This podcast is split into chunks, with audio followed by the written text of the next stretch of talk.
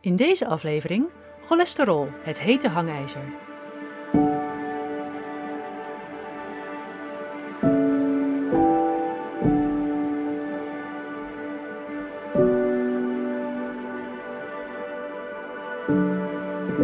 Welkom bij de Keto Podcast. Mijn naam is Louisa Blikkenhorst en dit is alweer aflevering 43. Het thema van de maand april is hartgezondheid en dit is de derde aflevering op rij. Ik heb wel een beetje gesmokkeld met de eerste aflevering, want die was nog in maart. En eigenlijk was ook nummer 40 van 15 maart al een opmaat naar dit thema. Maar goed, vandaag kun je luisteren naar de afsluitende aflevering waarin ik een duik in het diepe doe over cholesterol. En zoals de titel het al zegt, cholesterol is een heet hangijzer. En voordat ik cholesterol helemaal tot de bodem ga uitzoeken, wil ik even een soort disclaimer doen, zodat helder is hoe ik erin sta en wat mijn bedoeling is. Ik wil jou als luisteraar voorzien van informatie over wat je zelf kunt doen om een gezond hart, een gezond metabolisme, een gezond lijf te hebben en daarmee een leuk en fijn leven te leiden met een korte ei. Als je nu geen hartziektes hebt, geen uh, verhoogd cholesterol, geen andere gezondheidsproblemen, dan raad ik je aan om toch te blijven luisteren, want dan weet je wat je kunt doen om te voorkomen dat je in disbalans in je gezondheid gaat ontwikkelen. En als je al wel problemen hebt met je gezondheid, maar niet precies weet wat er aan de hand is, dan luister vooral ook. Ik vertel je over welke stappen je kunt nemen om zelf het pad naar ziekte om te buigen en weer op de weg te komen naar een goede gezondheid en vitaliteit.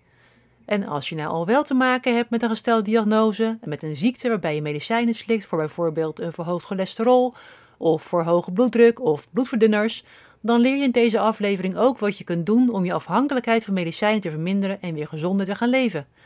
En hierbij wil ik je op het hart drukken, en dat is geen woordgrapje overigens. Ik wil je op het hart drukken om het afbouwen van medicijnen altijd te doen in overleg met je behandelend arts. Bouw nooit zelf je medicijnen af. Maar hoe cool is het als jouw arts straks ziet dat je bloedwaardes verbeteren, dat je gezondheid sterker is en dat de conclusie is dat je een bepaald medicijn kunt gaan afbouwen.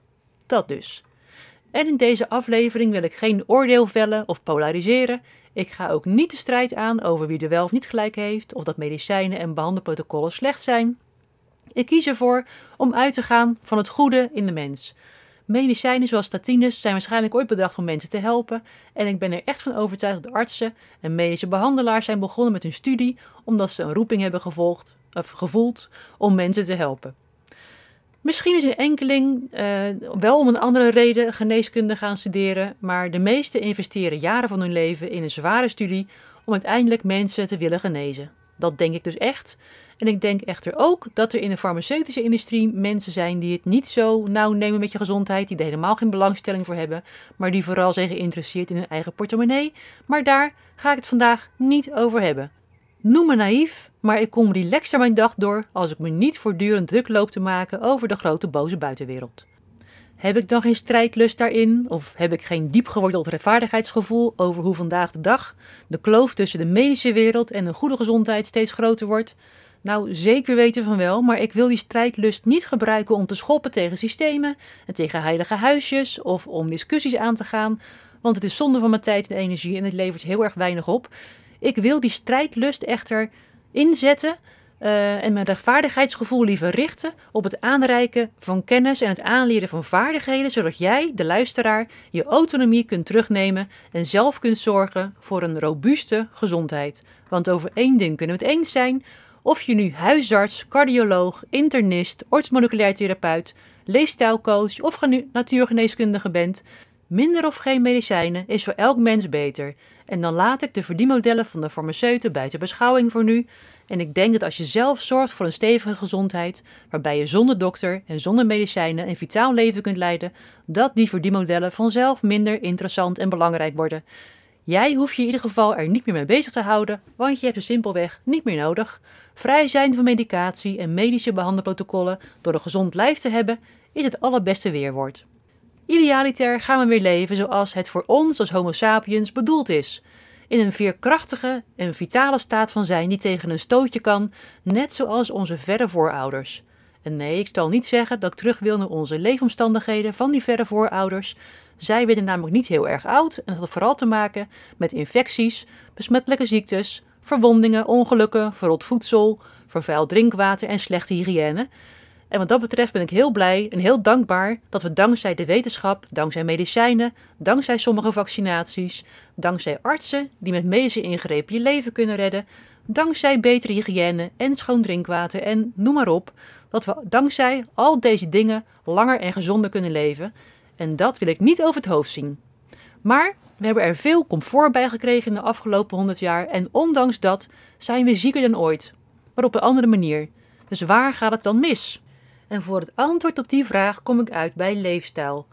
Dat is misschien een uh, vaag begrip en ik wil het graag even toelichten, want als je al vaker naar mijn podcast hebt geluisterd, dan weet je dat ik het vooral heb over gezonde ketogene voeding. Maar ook over goed slapen, lekker veel bewegen, zorgen voor genoeg ontspanning om in balans te blijven met je stress. En als je dat kunt, dan heb je een gouden leven in deze tijd. Even een klein zijsprongetje, want ik noem graag een event wat op 24 mei van dit jaar op de agenda staat in België. En dat event heet het Wolf Food Event. En Wolf is W-O-L-V. En het wordt georganiseerd door Capini Belgium. Op het event kun je luisteren naar een aantal sprekers die je vertellen over leefstijlveranderingen die je zelf kunt doorvoeren om gezonder te worden door middel van intimiderende stressprikkels, Denk bijvoorbeeld aan intermitterend vasten, koude prikkels door koud douchen of een duik nemen in koud water, hitteprikkels in de sauna en dat soort dingen. En natuurlijk over voeding, uh, die voedend is voor je brein en dat soort dingen. En die triggeren een robuust en oeroud mechanisme wat ieder mens heeft en wat ervoor zorgt dat je veerkrachtiger wordt, beter bestand bent tegen van alles en herstelkrachtiger. Is dat eigenlijk een, woord? Um, Laat ik het herstelkracht noemen, want het is wel wat ik bedoel. Dus uh, dat je herstelkrachtiger wordt bij alles wat het leven je voor de voeten gooit. Want ook dat, of vooral dat, beste mensen, dat is gezondheid. Als je daar meer over wilt ontdekken, koop dan een ticket voor het Wolf Food Event op 24 mei in Gent. En de link daarvoor zal ik in de show notes zetten. Oh, en ja, bijna vergeten, ik ben er die dag ook als spreker. Uh, ik ga je vertellen over hoe je lichter, gezonder en vitaler kunt leven door middel van een ketogene leefstijl. Goed, na deze uitgebreide inleiding gaan we naar het onderwerp van vandaag en dat is cholesterol. De titel zegt het al: cholesterol is een heet hangijzer waar heel veel aannames over bestaan. Op verjaardagen hoor ik mensen met elkaar praten over hoe het gaat met hun cholesterol, welke medicijnen er voor krijgen, dat ze zo vetarm mogelijk eten om de cholesterolwaardes onder controle te houden. En ze denken dat cholesterol je vaten laat dichtslippen, dat het door je bloeddruk stijgt en dat je daardoor, van, daardoor dus ja, medicijnen krijgt. En dat is blijkbaar het beeld wat men erbij heeft. Als je maar ouder wordt, dan stijgt je cholesterol, dan krijg je een hoger risico uh, op hartaanvallen van. Cholesterol stijgt door vet eten, dus moet je daar minder van eten. En als dat niet lukt, dan moet je aan de statines. Klinkt simpel en dit is ongeveer wat de gemiddelde Nederlander of Belg ervan af weet. Maar klopt dit wel? Als dit nou werkelijk is hoe het met cholesterol zit, dan zouden er toch veel minder mensen hart- en vaatproblemen krijgen doordat ze minder vet eten en medicijnen gebruiken. En blijkbaar is het niet zo, dus hoe zit het dan wel? In de twee voorgaande afleveringen hebben we al gekeken naar cholesterol in de context van metabole gezondheid. En dat je eh, LDL-waardes alleen niet zo heel veel zeggen. Je moet ook kijken naar bijvoorbeeld ontstekingswaardes en andere markers, zoals je middelomtrek, nuchter glucose, nuchter insuline. En wat uh, cholesterol betreft zijn de triglyceriden en HDL belangrijk. Wanneer je de waarde van triglyceriden deelt door de waarde van HDL, dan komt daar een getal uit. En idealiter is dat getal lager dan 0,99. Uh, eronder, dan zit je goed. En alles wat erboven zit is een risico. Dus hoger dat getal, hoe hoger het risico op hart- en vaatziekten. Helaas is deze manier van kijken naar cholesterol nog lang niet doorgedrongen in de reguliere bloedtesten. Nog steeds wordt er vooral gekeken naar waarden zoals uh, totaal cholesterol en de ratio tussen HDL en LDL en dat is eigenlijk veel minder interessant. Google maar eens op de ratio tussen triglyceriden en HDL en je zult zien dat er al heel veel wetenschappelijke onderbouwing voor is. Wel even het Engels zoeken, want in het Nederlands vind je er nog maar heel erg weinig over. Ik zal een link naar zo'n artikel in de show notes zetten en dan valt je op dat het een artikel is uit 2008, dus het is al 15 jaar oud. En zo langzaam gaat het dus voordat uh, nieuwe inzichten doordringen in de behandelkamer van je arts of in het laboratorium waar getest wordt. Laten we eerst eens even kijken wat cholesterol eigenlijk is. Cholesterol is een vetachtige stof die ook wel lipoproteïne genoemd wordt. Bevat dus ook onder andere wat eiwitten. Het is aan ons lichaam essentieel voor de aanmaak van celmembranen of uh, celbanden, zo heet het ook wel, vitamine D bijvoorbeeld en gal. Cholesterol is ook de moeder van zowat alle hormonen, bijvoorbeeld uh, progesteron, oestrogeen, testosteron, aldosteron en cortisol. En van cortisol, wat ook wel het stresshormoon genoemd wordt, uh, en daardoor een slechte reputatie heeft, denk je misschien dat het helemaal wel prima is als je daar minder van aanmaakt. Nou, geloof me, cortisol is ook een deel van het immuunsysteem om ontstekingen te bestrijden. Dus als je er te weinig van maakt, dan heb je weer heel andere problemen. Dus te veel is niet goed, maar te weinig ook niet. Cholesterol is een antioxidant. Het neutraliseert bacteriën, virussen en zelfs toxines. En ook daarmee is cholesterol in dienst van het immuunsysteem. Wist je trouwens dat ruim 25% van de cholesterol in je lichaam in je hersenen zit? Het is daardoor uh, daar essentieel voor de prikkeloverdracht. En cholesterol is ook de bouwstof voor het isolatiemateriaal wat om de zenuwbanen heen zit, waardoor de geleiding van prikkels goed verloopt. En dit isolatiemateriaal wordt myeline genoemd. Verlies van myeline leidt tot uitval van bijvoorbeeld de motoriek en dat is iets wat we zien bij de ziekte MS. Zonder cholesterol ligt de productie van myeline stil. Kortom, we hebben cholesterol hard nodig en het verdient het niet om zo gedemoniseerd te worden. Ik moet er wel even bij zeggen dat cholesterol in de hersenen niet uit voeding komt, maar uh, door de hersenen zelf gemaakt wordt. Dat geldt trouwens voor het meeste cholesterol in je lijf. Slechts een derde komt uit voeding en voor twee derde deel wordt het gemaakt in je lever. En nu je dit weet, kun je je afvragen of het eten van minder vet eigenlijk wel zo effectief is om je cholesterolwaardes te verlagen.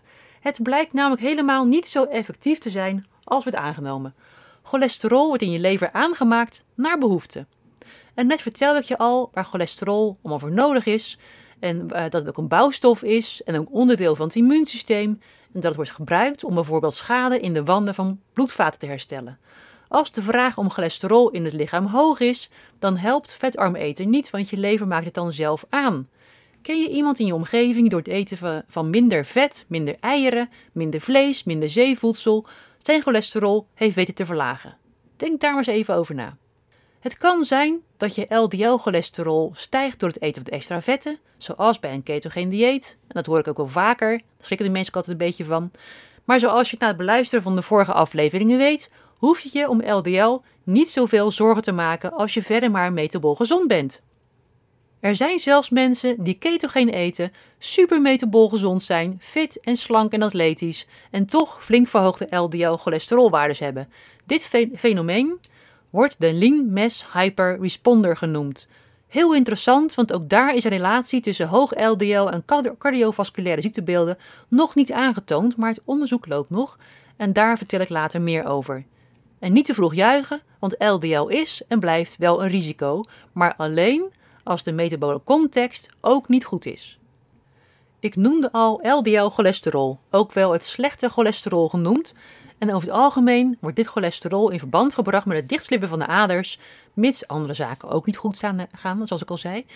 En dan is ook nog het, uh, het HDL-cholesterol, wat ook wel het goede cholesterol genoemd wordt. Het transporteert onder andere het LDL weer uit het bloed terug naar de lever. Vandaar dat het als goed gezien wordt. Maar ja, wij denken hier niet in goed of slecht cholesterol, dus die gedachte mag je parkeren. Dan is er nog VLDL-cholesterol en dat kun je een beetje vergelijken met LDL. Het vervoert vetten die in de lever gemaakt worden uit koolhydraten, eiwitten, vetten en alcohol. En VLDL bevat de triglyceriden in het bloed. Een overschot aan energie uit voeding, zoals koolhydraten, vetten en alcohol, wordt omgezet in triglyceriden en opgeslagen in de vetcellen. Wanneer het overschot te groot wordt, spreken we van energietoxiciteit en dan stijgen ook de triglyceriden in het bloed, iets wat als een slecht teken wordt beschouwd. Het mooie is dat wanneer je je voeding aanpast, dat dit ook weer heel snel herstelt. En hoe je dat doet, dat heeft Dr. Philip Ovadia in de vorige aflevering al verteld en straks zal ik je ook hier nog een paar tips over geven. Wat gebeurt er als je bij de dokter komt en je cholesterolwaardes, dan bedoelen ze je LDL-cholesterolwaardes, die blijken te hoog te zijn? Dan krijg je waarschijnlijk statines voorgeschreven. En op zich zijn statines hartstikke knap bedacht. In het lichaam wordt cholesterol gemaakt uit onder andere acetyl-CoA, dat is een, een, basisbouwstof in het lichaam. En via een paar enzymatische stappen wordt er melanovaat uitgemaakt. En daaruit worden twee dingen gevormd, namelijk cholesterol en coenzym Q10. Statines remmen dus één van die enzymatische stappen en voilà, er wordt minder cholesterol aangemaakt. Heel goed bedacht, maar ook Q10 wordt hierdoor minder aangemaakt. En is dat nou een probleem? Ja, dat is zeker een probleem. Q10 is een stof die heel hard nodig is bij het aanmaken van energie in de mitochondriën. En het is ook nog eens keer een superbelangrijke antioxidant wat schade aan de mitochondriën helpt voorkomen. Is het produceren van energie in je lichaam belangrijk? Ja of ja? Nou, reken maar van yes. En wat is een orgaan in ons lichaam dat heel veel energie nodig heeft en daarom ook heel veel mitochondriën per cel heeft? Nou, dat is het hart. En waarom wordt statines voorgeschreven om welk risico te verlagen? Het risico op hart- en vaatziekten. Nou, ik wil geen keiharde conclusies trekken, maar ik ben geneigd om te denken dat hier twee dingen elkaar tegenwerken. Ik kijk liever holistisch naar oorzaak en gevolg, dan dat er één stofje geblokkeerd moet worden om vervolgens weer hele andere problemen op te leveren. Ik wil benadrukken dat je niet meteen statines in een prullenbak moet gooien als je die al hebt, want zoals ik telkens weer herhaal, een hoog LDL op zich is geen risico, mits de metabole gezondheid goed is. En heb je dat nog niet voor elkaar, dan zou ik je niet adviseren om abrupt statines te stoppen, maar eerst aan je gezondheid te gaan werken. En pas als dat in orde is, dan pas in overleg met je behandelend arts de statines gaan afbouwen. Ik zei net al, cholesterol is een onderdeel van ons eigen immuunsysteem. Het is heel wonderlijk om te denken dat ons lichaam iets volop zou gaan produceren wat slecht is voor ons. Zou daar misschien iets achter zitten? Het lichaam wil tenslotte altijd optimaal functioneren en zal er altijd alles aan doen om dit ook mogelijk te maken. Als er een bepaalde stof in grote hoeveelheden gemaakt wordt, dan kun je ervan uitgaan dat het een strategie van het lichaam is om een probleem op te lossen. En als dit verkeerd uitpakt, ligt het aan de omstandigheden waaronder dit gebeurt en niet aan het proces zelf. En dat is ook het geval bij LDL-cholesterol. LDL is een reparatiemiddel voor schade aan de bloedvaten veroorzaakt door onder andere ontstekingsactiviteit. Door inflammatie in de wanden van de bloedvaten ontstaat er schade en dat moet gerepareerd worden. Net zoals je een lekke band plakt met een plakker, wordt de schade aan het bloedvat gerepareerd met onder andere LDL-cholesterol, want het kan zo lekker plakken. En wat betekent het dan als er veel LDL in het bloed zit en als er vernauwingen ontstaan in een ader door ophoging van cholesterol? Nou, je kunt het een beetje vergelijken met de brandweer. Telkens als er brand is, dan verschijnt de brandweer ter plaatse. En dan kun je zeggen, hey, 1 plus 1 is 2. En uh, iedere keer als er brand is, dan is de brandweer er. Dus waarschijnlijk heeft de brandweer iets te maken met de brand. En als oplossing ontslaan we gewoon de helft van de brandweerlieden in de hoop dat er dan minder vaak brand zal zijn. Nou, zo kun je ook kijken naar LDL. Is het nou, het uh, is het nou de oorzaak van het probleem? Of is het juist de oplossing die gewoon veel te vaak ingezet wordt? En ik denk dat het het laatste is. De brandweer is niet de oorzaak van de brand en LDL is niet de oorzaak van hart- en vaatziekten. Dus als LDL een oplossing is, wat is dan eigenlijk het echte probleem? Nou, dat zijn ontstekingsreacties. En met een ontstekingsreactie bedoel ik niet alleen maar uh, zichtbare en voelbare ontstekingen die dik, rood en pijnlijk zijn. Ontstekingen kunnen ook heel stil en minder hevig aanwezig zijn. En dit wordt ook wel laaggradige ontsteking genoemd of laaggradige inflammatie. Er is een directe link tussen hyperinsulinemie en laaggradige ontstekingen en ook tussen slechte darmgezondheid en laaggradige ontstekingen. Zo, uh, zo'n nauwelijks merkbare ontsteking kan jarenlang sluimerend aanwezig zijn. Laaggradige ontstekingen hebben allemaal negatieve effecten op het lichaam. Een daarvan is dat er meer oxidatie plaatsvindt, waardoor er ook meer oxidatieve schade ontstaat. Een typische plek waar dat gebeurt is in de wanden van de bloedvaten. Het oxidatieproces kun je een beetje vergelijken met het roesten van je fiets. De oppervlakte wordt ruw en korrelig en uh, als dat in de bloedvaten gebeurt, dan moet het ook gerepareerd worden, want een ruw en beschadigd bloedvat, dat is een probleem. Een oplossing is dan om meer LDL aan te maken in de lever en dat te sturen naar de beschadigde plekken. Maar helaas is LDL zelf ook heel gevoelig voor oxidatie, waardoor er geoxideerd LDL ontstaat, ook wel OX-LDL genoemd. Het is vooral het OX-LDL wat een probleem vormt bij het dichtslippen van de bloedvaten, omdat het nog beter plakt. Een reactie van het lichaam op het geoxideerde LDL is het sturen van speciale immuuncellen, de macrofagen. En de macrofagen zijn een soort pekmens van het immuunsysteem en die eten schadelijke stoffen op, zo ook de geoxideerde LDL. Nadat de macrofagen de ox-LDL hebben opgegeten, veranderen ze in schuimcellen. En deze schuimcellen maken daarna deel uit van de plak die langzaam maar zeker begint te groeien in het bloedvat. Naast de schuimcellen wordt er ook nog een transporteiwit aangemaakt en dat is het schadelijke lipoproteïne kleine a of LPA. Dit LPA wordt op zijn beurt weer gezien als risicofactor voor atherosclerose, oftewel aderverkalking. Dit is geen proces van dagen of weken, maar iets wat jarenlang aan de gang is voordat het een probleem wordt. Ik kan me voorstellen, als je het allemaal zo hoort, dat het begint eh, te duizelen bij je. Dus nog even een paar dingen kort op een rijtje. De oorzaak een verhoogd risico op hart- en vaatziekten door cholesterol komt niet zozeer door het cholesterol zelf, maar door ontstekingsactiviteit en oxidatie in het lichaam. LDL stijgt omdat het een deel van het immuunsysteem is en schade moet gaan herstellen. Daarbij raakt ook de LDL geoxideerd, waardoor het immuunsysteem ook dat weer moet opruimen. En dat is wederom een verhoging van de immuunactiviteit. Oké, dus als LDL op zich geen risico op hart- en vaatziekten is, wat zorgt er dan voor dat LDL wel een probleem uh, wordt? Waar komt die ontstekingsactiviteit dan vandaan die LDL tot een probleem maakt? En drie grote factoren hierin zal ik even noemen. Dat zijn stress, voeding en roken. Nou, over roken ga ik het niet hebben. Dat spreekt voor zich dat het een probleem is voor je gezondheid. Over stress kan ik je vertellen dat het allerlei processen in het lichaam beïnvloedt. Ook de bloedsuikerspiegel raakt hierdoor ontregeld, wat tot gevolg kan hebben dat niet alleen de bloedglucose chronisch stijgt, maar daardoor ook de insulinespiegel. Een chronisch verhoogd insuline, ook wel hyperinsulinemie genoemd, leidt onder andere weer tot ontstekingsreacties. En hetzelfde geldt voor voeding. Wie voornamelijk bewerkte voeding eet met geraffineerde koolhydraten en ongezonde vetten, ontregelt daarmee niet alleen zijn metabole stofwisseling, waardoor ook een te hoog bloedglucose en ook een te hoog insuline ontstaat. Ook de darmwand raakt erdoor beschadigd, waardoor er meer troep naar binnen komt en het immuunsysteem telkens geactiveerd raakt. Trouwens, chronische stress heeft ook dat effect op de darmwand. Zowel stress, verkeerde voeding als roken veroorzaken steeds meer oxidatie in het lichaam en je weet nu welke gevolgen dat kan hebben. De eerste voor de hand liggende stappen in wat je zelf kunt doen om je risico op hart- en vaatziekten te verlagen bij een verhoogd LDL zijn dus bijvoorbeeld een stoppen met eten van bewerkte voeding, zorg voor het in balans brengen van je stress door meer ontspanning en als je rookt, stop daar dan zo snel mogelijk mee. Hoe zit het dan bij mensen bij wie hoog cholesterol in de familie zit, oftewel familiaire hypercholesterolemie? Ook zij krijgen het advies om vetarm te eten normaal gesproken. Nieuwe studies laten zien dat dit advies niet wetenschappelijk onderbouwd kan worden.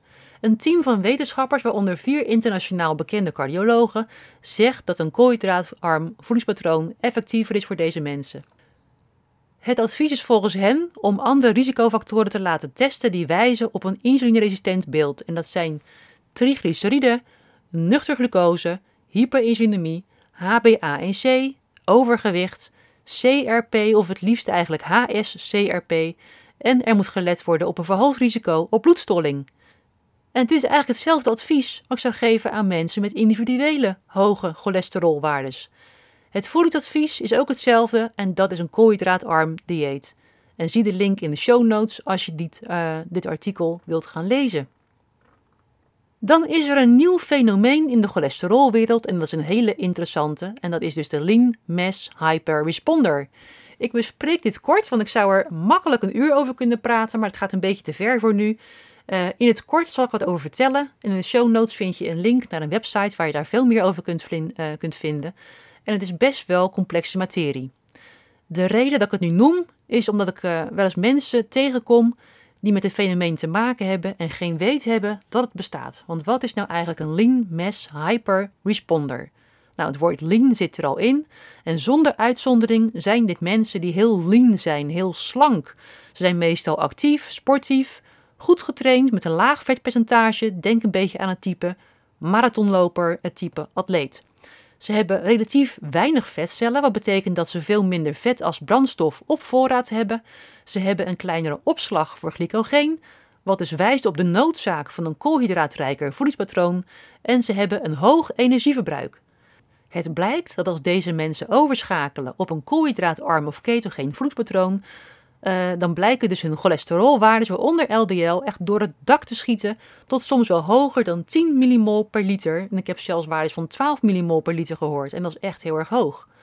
Ook hier is het belangrijk om in kaart te brengen of er andere risicofactoren zijn om uh, goed helder te krijgen of deze hoge LDL-waarden een echt risico zijn.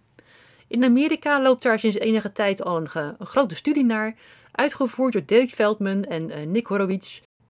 En de uitkomsten zijn nog niet definitief, dus tot die tijd kunnen er nog geen conclusies getrokken worden. Maar het advies voor deze type mensen is om wat meer koolhydraten te gaan eten, zoals fruit of zoete aardappels. En het gevolg hiervan is dat een LDL-waardes binnen dagen weer terug zijn op normale waardes. Dus herken je dit beeld nou bij jezelf? Ben je een uh, slanke, sportieve, uh, atletisch gebouwde uh, persoon? Um, ben je met een koolhydraatarm of ketogeen dieet begonnen en merk je dat je LDL-waardes door het dak schieten? Weet dan dat er iets bestaat als de Lean Mass Hyperresponder en ga daar eens wat meer over lezen. En laat het ook vooral aan je dokter lezen. Super interessant. En het, uh, het brengt me eigenlijk bij het volgende punt. Ben je iemand die de diagnose familiaire hypercholesterolemie heeft gekregen? En ben je ook inderdaad atletisch? Uh, ben je slank? Zijn er geen comorbiditeiten? Zijn er geen andere afwijkende of verhoogde bloedwaardes? Hou dan in je achterhoofd dat beeld van de lean mass hyperresponder en verdiep je eens in die materie. Het zou zomaar kunnen zijn dat het niet familiaire hypercholesterolemie is, maar dat je dus met een ander fenomeen te maken hebt, namelijk van de lean mass hyperresponder. Dus de link vind je in de show notes en vind je het interessant, duik er eens in en uh, ja, ga er eens wat verder over lezen. Nou, zoals je hoort, er valt heel veel te vertellen over cholesterol uh, en het is lang niet zo zwart-wit als dat altijd gebracht wordt. En voordat ik deze aflevering ga afsluiten, wil ik je uh, een paar tips geven over wat je allemaal zelf kunt doen.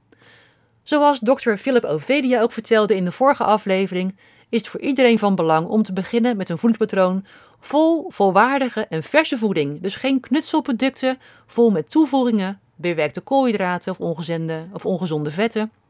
Idealiter kies je voor een koolhydraatarme voeding en het liefst nog ketogeen.